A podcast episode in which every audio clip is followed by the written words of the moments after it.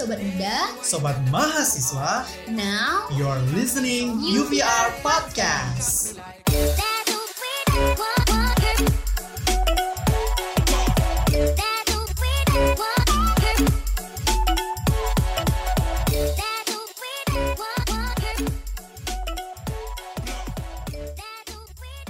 Halo semuanya, pada podcast kali ini eh, ada yang spesial nih karena kita bakal ngobrol langsung dengan eh, presiden kita nih, Ketua BEM Universitas Tanjung Pura Pontianak, yaitu Bang Arifin dan juga eh, wakilnya Bang Munawar. Nah, boleh kali abang-abang yang tampan ini eh, menyapa sekaligus memperkenalkan diri ke sobat muda, sobat mahasiswa, mulai dari angkatan berapa, fakultas apa, terus jurusan dan asal daerah. Dipersilahkan abang-abang.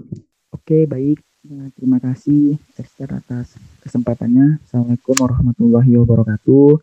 Selamat pagi dan salam sejahtera untuk kita semua. Perkenalkan, ya, nama saya ya, Syarif Arifin Habibi. Saya dari Fakultas Hukum Universitas Tanjung Pura, kemudian Prodi Ilmu Hukum, dan saya angkatan 2016. Kemudian asal daerah saya, tepatnya itu di Raso Jaya, Kuburaya. Oke baik, Eh, perkenalkan ya. Terima kasih sebelumnya. Eh, perkenalkan nama saya Munawar eh, dari Fakultas Keguruan dan Ilmu Pendidikan, Prodi Pendidikan Geografi angkatan 2016. Asal saya dari Pontianak. Sekarang tinggal di Jalan Dr. Walidin, ya sepakat dua. Oke, terima kasih abang-abang. Nah, abang-abang gimana nih kabarnya? Baik-baik aja? Alhamdulillah untuk saat ini sehat, ya, sehat walafiat baik. Ya, kalau Esther gimana kabarnya? Baik ya. Saya baik bang, saya baik. Bang Munawar gimana bang? Baik. Alhamdulillah juga baik. Posisi abang-abang sekarang ada di mana nih? Kalau saya sekarang lagi di rumah. Saya lagi di Kuburaya. Oke, oke. Gimana di tempat abang-abang aman? Kalau di Kuburaya untuk saat ini aman, keadaan juga aman dan kondusif lah pada saat ini. Walaupun banyak beberapa aktivitas itu memang dibatasi tuh dari kegiatan masyarakat. Kalau di tempat saya sendiri sejauh ini masih aman. Walaupun eh, untuk aktivitasnya mas untuk akti- aktivitas masyarakat sendiri masih berjalan normal sih. Oke. Nah, pengen nanya nih abang-abang. Kenapa sih abang-abang nih mencalonkan diri sebagai eh, BEM Jadi kenapa kami mencalonkan diri? Jadi sebenarnya itu yang mencalonkan kami itu adalah teman-teman dari pengusung kami. Nah, kalau kita dari partai, maka yang mengusung kami itu ada dua partai, yaitu partai PPN, Partai Persatuan Mahasiswa, kemudian ada namanya Partai LK, Partai Lingkar Kampus. Nah, dan juga karena sistem administrasi ketika pendaftaran itu adalah sebagai calon itu harus diusung dari partai. Nah, maka dua partai itulah yang mengusung kami untuk sebagai calon presiden mahasiswa dan wakil presiden mahasiswa. Hingga pada saat inilah kami pun hingga terpilih dan itu juga berkat dari usaha dan perjuangan teman-teman di lapangan. Seperti itu. Sebenarnya sih memang kalau bisa dibilang oh, ada niat atau tidak nih sebenarnya kami itu kalau dari saya itu memang ya apa ya niatan itu belum ada benar kata itu. Tapi karena dari dukungan teman-teman kemudian perjuangan teman-teman juga di lapangan sehingga terkumpulan niat itu dan siaplah sebagai calon presiden dan wakil presiden mahasiswa. Itu Oke, oke, oke. Nah, kalau Abang bilang tadi kan diusung oleh partai dan lain sebagainya. Nah, gimana nih Bang proses dan perjuangan abang-abang sampai bisa kepilih nih? kalau dari prosesnya mungkin panjang nih prosesnya dan seharusnya itu kita itu pemilihan di bulan Maret ya pada saat itu kemudian ada pandemi sehingga diundur dan barulah terpilih eh, setelah di pemilihan itu di bulan November nah, sebenarnya perjuangan itu cukup panjang.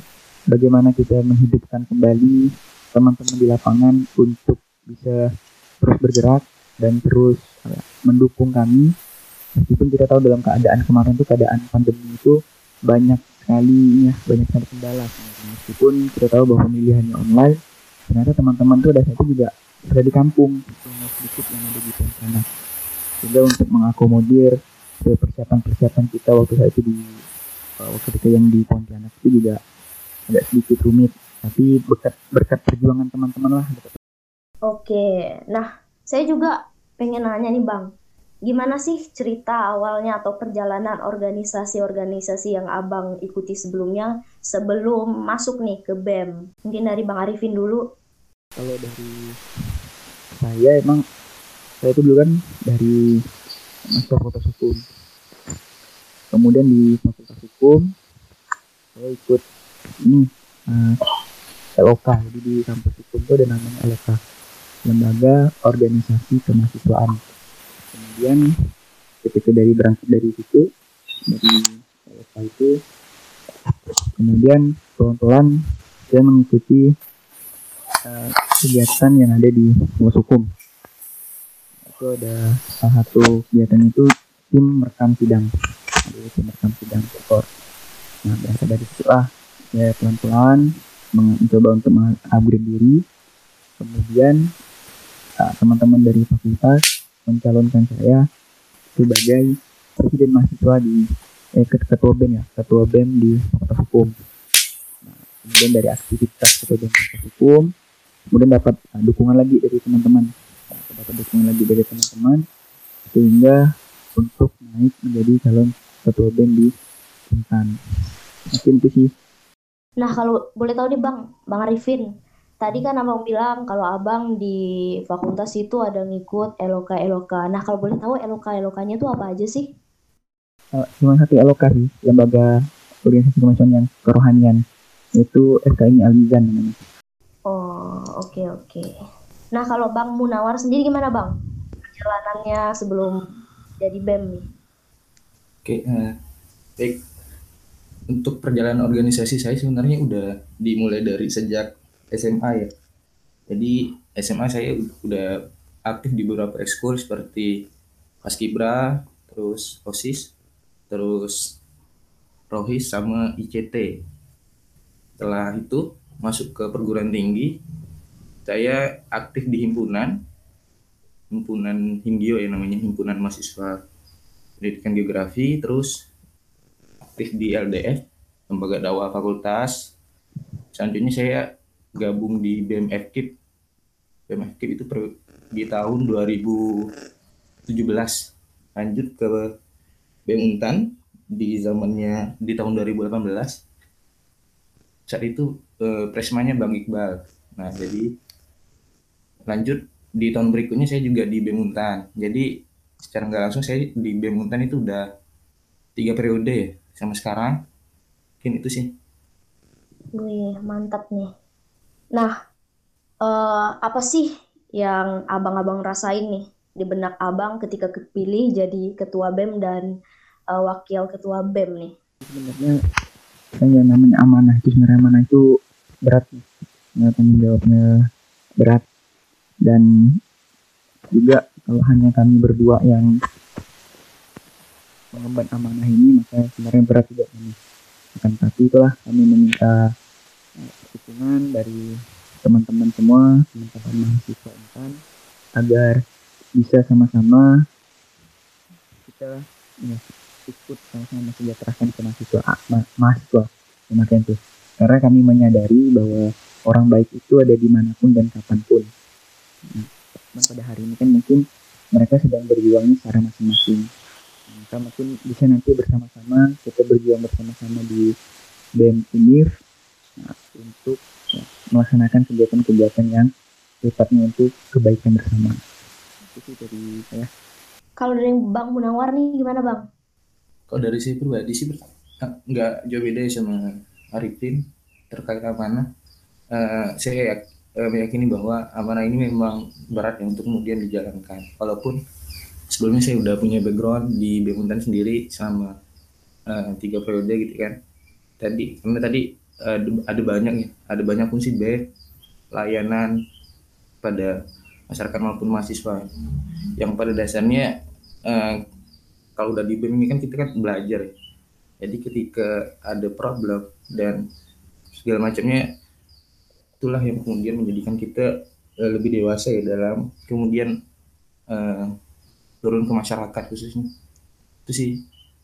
Nah mungkin sobat muda sobat mahasiswa ada yang penasaran nih atau ada yang nggak tahu apa sih visi misi dari abang-abang sekalian nih di BEM? Boleh kali uh, jabarkan ke kita.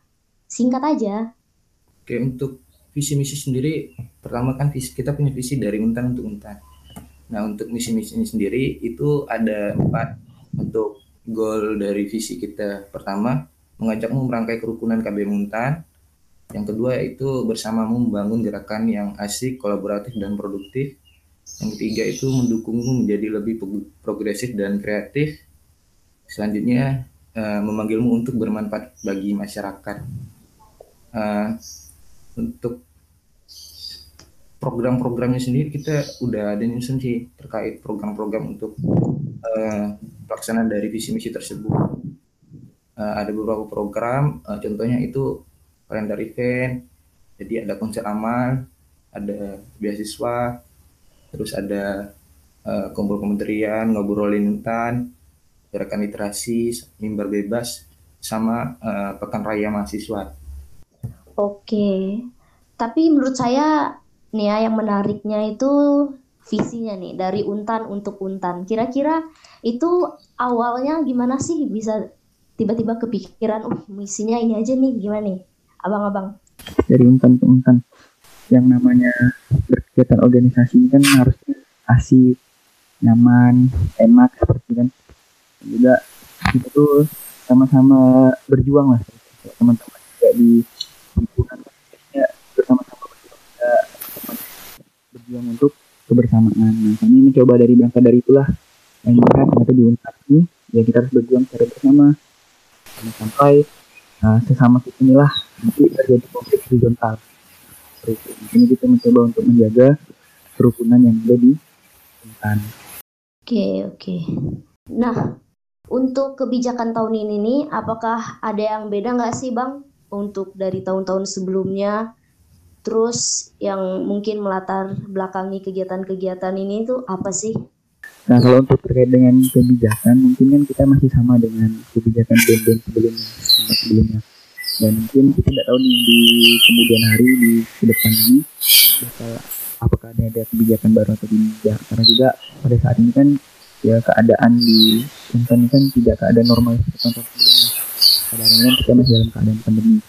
Nah, seperti itu. Kita sih ber berharap sih uh, untuk di ke depannya itu ya kita tetap hukum seperti yang sebelumnya. Oke. Nah, kan kita kan tahu kan Bang, kayak Abang juga bilang tadi ini masanya pandemi. Mungkin kebijakan-kebijakan itu tidak akan uh, sama atau nggak mungkin sekondusif biasanya. Nah, untuk program-program yang tadi Bang Munawar jabarin nih, uh, itu mungkin nanti akan menyesuaikan keadaan selama pandemi atau bakal terlaksana secara uh, full gitu? Oke, jadi untuk program-program uh, pertama kita bisa menyesuaikan dengan kondisi ya. Kita uh, terkait pelaksanaan teknis dan lain sebagainya itu kita bakal menyesuaikan dengan kondisi. Pun ketika kita memang mau ngadain kegiatan uh, tatap muka sebenarnya bisa. Cuma tadi kita mesti menerapkan protokol kesehatan agar uh, apa yang kemudian kita uh, susun dan kita rancang itu bisa secara maksimal terjadi gitu ya berjalan seperti itu Oke, nah uh, gimana sih cara-cara cara abang-abang nih merangkul seluruh mahasiswa agar tetap menjadi satu kesatuan, tidak ada perpecahan untuk mendapatkan uh, tujuan bersama. Apalagi kan di tengah pandemi gini kita nggak bisa uh, yang terus-menerus tatap muka atau ketemu langsung gitu. Gimana nih Bang? Oke, baik. Untuk ya, kita dengan mahasiswa bagaimana kita untuk menjaga kerukunan. Sebenarnya apabila kita ingin menjaga kerukunan kan sebenarnya kan uh, ya teman-teman dari mahasiswa bisa ikut serta lah dalam setiap agenda-agenda yang BEM lakukan. Karena kan dari situ kan kalau ketika teman-teman itu tidak ikut andil dalam bagian agak dalam bagian kegiatan dari BEM, BEM, dari dari Untan BEM ini ya, secara nggak langsung kan teman-teman kan juga mensupport meskipun kita tahu dalam bentuk support tuh tidak juga dalam bentuk partisipasi tapi kan juga dalam dukungan moral kemudian dan material juga teman-teman tuh juga sebenarnya sudah mensupport nah harapannya semoga teman-teman dari BPM Unip ini udah bisa segera musyawarah kemudian bisa terbentuk strukturnya sehingga kita juga bisa untuk melaksanakan kegiatan-kegiatan yang udah kita rancangkan bersama nanti. Oke. Kalau menurut abang-abang nih, fungsi mahasiswa apa sih yang harus dilakukan selayaknya seorang mahasiswa? Oke, baik. Kalau kita lihat Tridama perguruan tinggi itu kan ada tiga ya.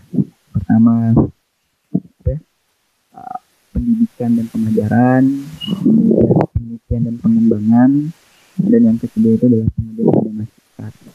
Mungkin pada memang pada memang mahasiswa itu dituntut dengan tiga hal itu. Belum lagi ya mungkin teman-teman juga ada aktif di kegiatan, di organisasinya. Yang pasti untuk mahasiswa sendiri memang uh, pendidikan, apa, pendidikan dan pengajaran kemudian pendidikan itu adalah yang sangat utama ketika teman-teman laksanakan di bangku perkuliahan. Akan tetapi ada poin yang ketiga itu itu adalah pengabdian pada masyarakat. Nah mungkin pada hari ini mungkin di masa yang pandemi ini kan banyak teman-teman yang ya yang mungkin yang seharusnya KKN-nya itu di lapangan kemudian terbatas kami tidak bisa uh, ini melaksanakan kegiatan KKN. Nah semoga di tahun ini nah teman-teman yang sebelumnya udah mengkonsepkan kegiatan kegiatan masyarakat. Nah itu bisa teman-teman laksanakan. Karena kita tahu juga bahwa sering ya sering teman-teman himpunan itu himpunan mahasiswa itu melakukan kegiatan kegiatan masyarakat di daerah-daerah pedalaman. Nah semoga di tahun ini teman-teman mahasiswa bisa melaksanakan kegiatan karena itu kan juga salah satu komponen ya, untuk untan sendiri Oke.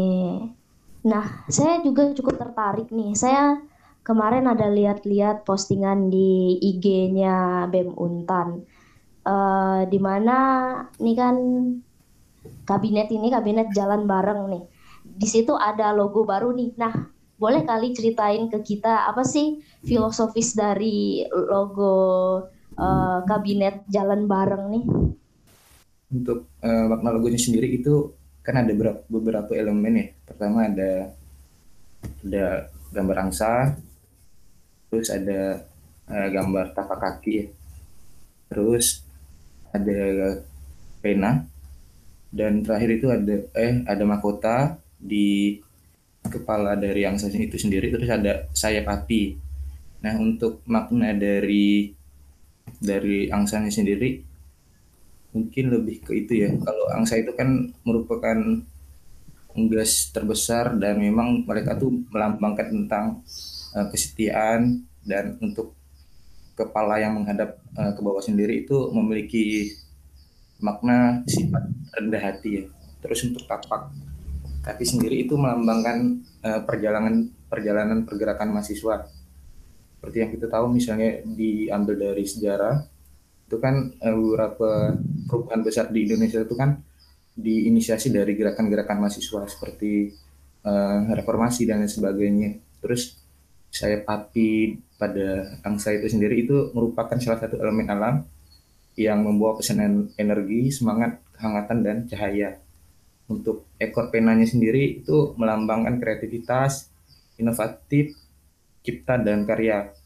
Karena kita uh, mahasiswa itu kan terkenal dengan uh, makhluk intelektual gitu jadi setiap uh, apa yang kemudian ditulisnya mungkin bisa kemudian membawa perubahan atau inovatif inovasi ke depan.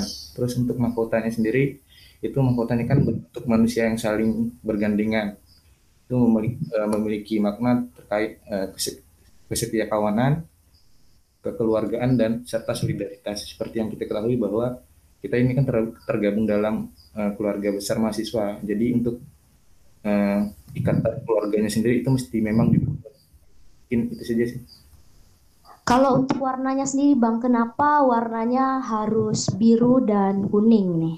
Oke terkait warna mungkin warna sih sebenarnya nggak terlalu itu sih apa ya nggak terlalu banyak benar. Jadi kita memang biar lebih simpel aja sih warnanya. Untuk warna navy sendiri itu kan melambangkan Universitas Tanjung Pura uh, serta wawasan serta kepercayaan yang harapannya BEM Untan mampu mengembangkan keilmuan mahasiswa Untan serta menjadi sebaik-baiknya pelayan bagi mahasiswa Untan. Terus untuk warna kuning sendiri itu melambangkan optimisme, harapan dan pencerahan yang harapannya BEM sebagai institusi yang memberi inspirasi serta motivasi bagi mahasiswa dalam gerakan sosial dan politik jalanan. Itu sih. Oke.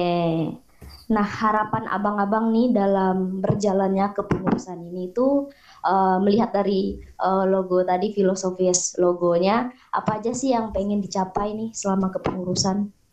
Jadi yang ingin kami capai di kembali ya tadi tuh yang saya sampaikan karena kan tidak jalan bareng jadi berarti bersamaan.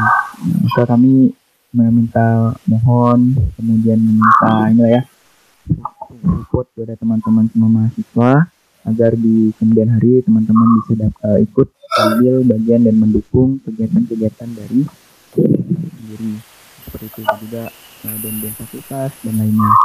Sehingga nanti di kemudian hari ya kita bisa bersama-sama kan intan yang lebih baik. Seperti itu karena kan ini kan juga isi kami itu dari intan untuk intan. Jadi yuk sama mahasiswa intan yuk kita sama-sama membangun untuk menawar tambahan menawar cukup cukup. Mungkin untuk abang-abang ada pesan untuk sobat muda sobat mahasiswa atau masyarakat untan? Dipersilahkan. Dari bang Arifin dulu. Oke untuk pesan buat mahasiswa di untan ya pertama saya sampaikan bahwa ya kita harus mentaati lah. Mentaati berkaitan dengan itu pidama perguruan tinggi yaitu pendidikan pendidikan dan pengajaran, eh, penelitian dan pengembangan dan juga kemudian pada masyarakat. Nah, harapannya juga ketika hari ini kita juga aktif di kegiatan-kegiatan kemahasiswaan, namun jangan lupakan juga ya berkaitan dengan ya, kegiatan-kegiatan kita di akademik, terutama nilai-nilai akademik kita. Nah, semoga nanti di ke depannya teman-teman UNTAN juga bisa membersamai kami dalam mensupport program kami yaitu program-program dari juga untuk menonton teruslah kembangkan prestasinya biar ke depannya lagi nanti ya, Universitas Tanjung Pura itu ya, ya prestasinya itu lebih meningkat dibandingkan tahun-tahun sebelumnya. Karena di belakang ya, baru-baru ini kan kita dapat info bahwa ya, tim dari Peksi Minas Untan itu tembus ke posisi 6 nah semoga nanti di, ke, di kemudian hari ya, teman-teman mahasiswa Untan yang berprestasi bisa menembuskan Untan menjadi peringkat satu Indonesia seperti itu dari Bang Munawar mungkin Bang. Oke uh, baik. Untuk pesan saya pada mahasiswa Untan mungkin ketika kita nongkrong ataupun ngekafe gitu ya ngopi mungkin bisa dijaga protokol kesehatannya supaya apa? Supaya uh, angka COVID di Kalbar sendiri itu bisa ditekan ya. Uh, agar uh, demi kebaikan kita bersama mungkin uh, bisa kemudian kita melakukan kuliah tatap muka ya karena jadinya kebijakan untuk kuliah tatap muka sendiri itu kan tergantung dari angka COVID uh, di suatu daerah. Nah, ketika angka COVID di suatu daerah itu memang rendah, besar kemungkinan untuk kemudian kita bisa uh, melaksanakan kuliah tatap muka ya. Terus uh, jaga jaga selalu kesehatan uh, dengan meningkatkan imun, imun tubuh imun tubuh ya dengan uh, mengkonsumsi makanan sehat dan buah-buahan serta air putih yang banyak mungkin itu sih Oke, terima kasih. Nah, karena kita udah di penghujung nih, boleh kali abang-abang kasih closing statement. Dipersilahkan. Ya, mungkin saja dari saya buat teman-teman semua bahwa sampaikan di awal bahwa orang baik itu ada di mana pun dan kapan pun. Mungkin pada kesempatan pada hari ini mungkin teman-teman itu berjuang secara masing-masing. Mungkin nanti di ke depannya mungkin teman-teman bisa bisa selalu berkolaborasi baik dengan pihak mana pun ya, untuk melaksanakan suatu hal-hal yang sifatnya kebaikan. Sehingga kebaikan itu tidak hanya kita rasakan sendiri akan tetapi juga bisa dirasakan secara bersama. Itu jadi dari saya. Dari Bang Munawar Bang. Oke baik. Uh, mungkin untuk closing statement saya pada mahasiswa ya, khususnya mungkin kita bisa menumbuhkan apa ya memekakan kembali uh, inklusif kita sebagai mahasiswa untuk kemudian uh, peka terhadap problema masyarakat. Ketika kemudian ada problem di satu masyarakat uh, alangkah lebih baiknya kita tuh udah mulai itu ya udah mulai bisa tergerak untuk kemudian uh, memperjuangkan uh, hak-hak mereka. Dengan tadi misal uh, ketika ada sebuah bencana mungkin uh, bisa secara langsung dan mandiri untuk turun lah bergerak untuk membantu masyarakat karena pada dasarnya kita sebagai mahasiswa juga dituntut untuk kemudian uh, bermanfaat bagi masyarakat mungkin itu saja. Oke, terima kasih abang-abang sudah meluangkan waktunya untuk kita wawancari hari ini. Semoga sehat-sehat terus dan semangat kerjanya di BEM. Terima kasih abang-abang. Siap, uh, sama-sama. Baik, terima kasih. Oke, sobat muda, sobat mahasiswa, mungkin cukup sekian dulu ya podcast kita kali ini. Makasih banyak loh udah nemenin kita dari awal sampai akhir. Nah, sobat muda, sobat mahasiswa, jangan lupa untuk terus dengerin UVR Podcast di Spotify dan Anchor. Kalian juga bisa banget nih kalau mau request topik podcast atau mau tahu updatean terbaru dari kita. Caranya gampang banget.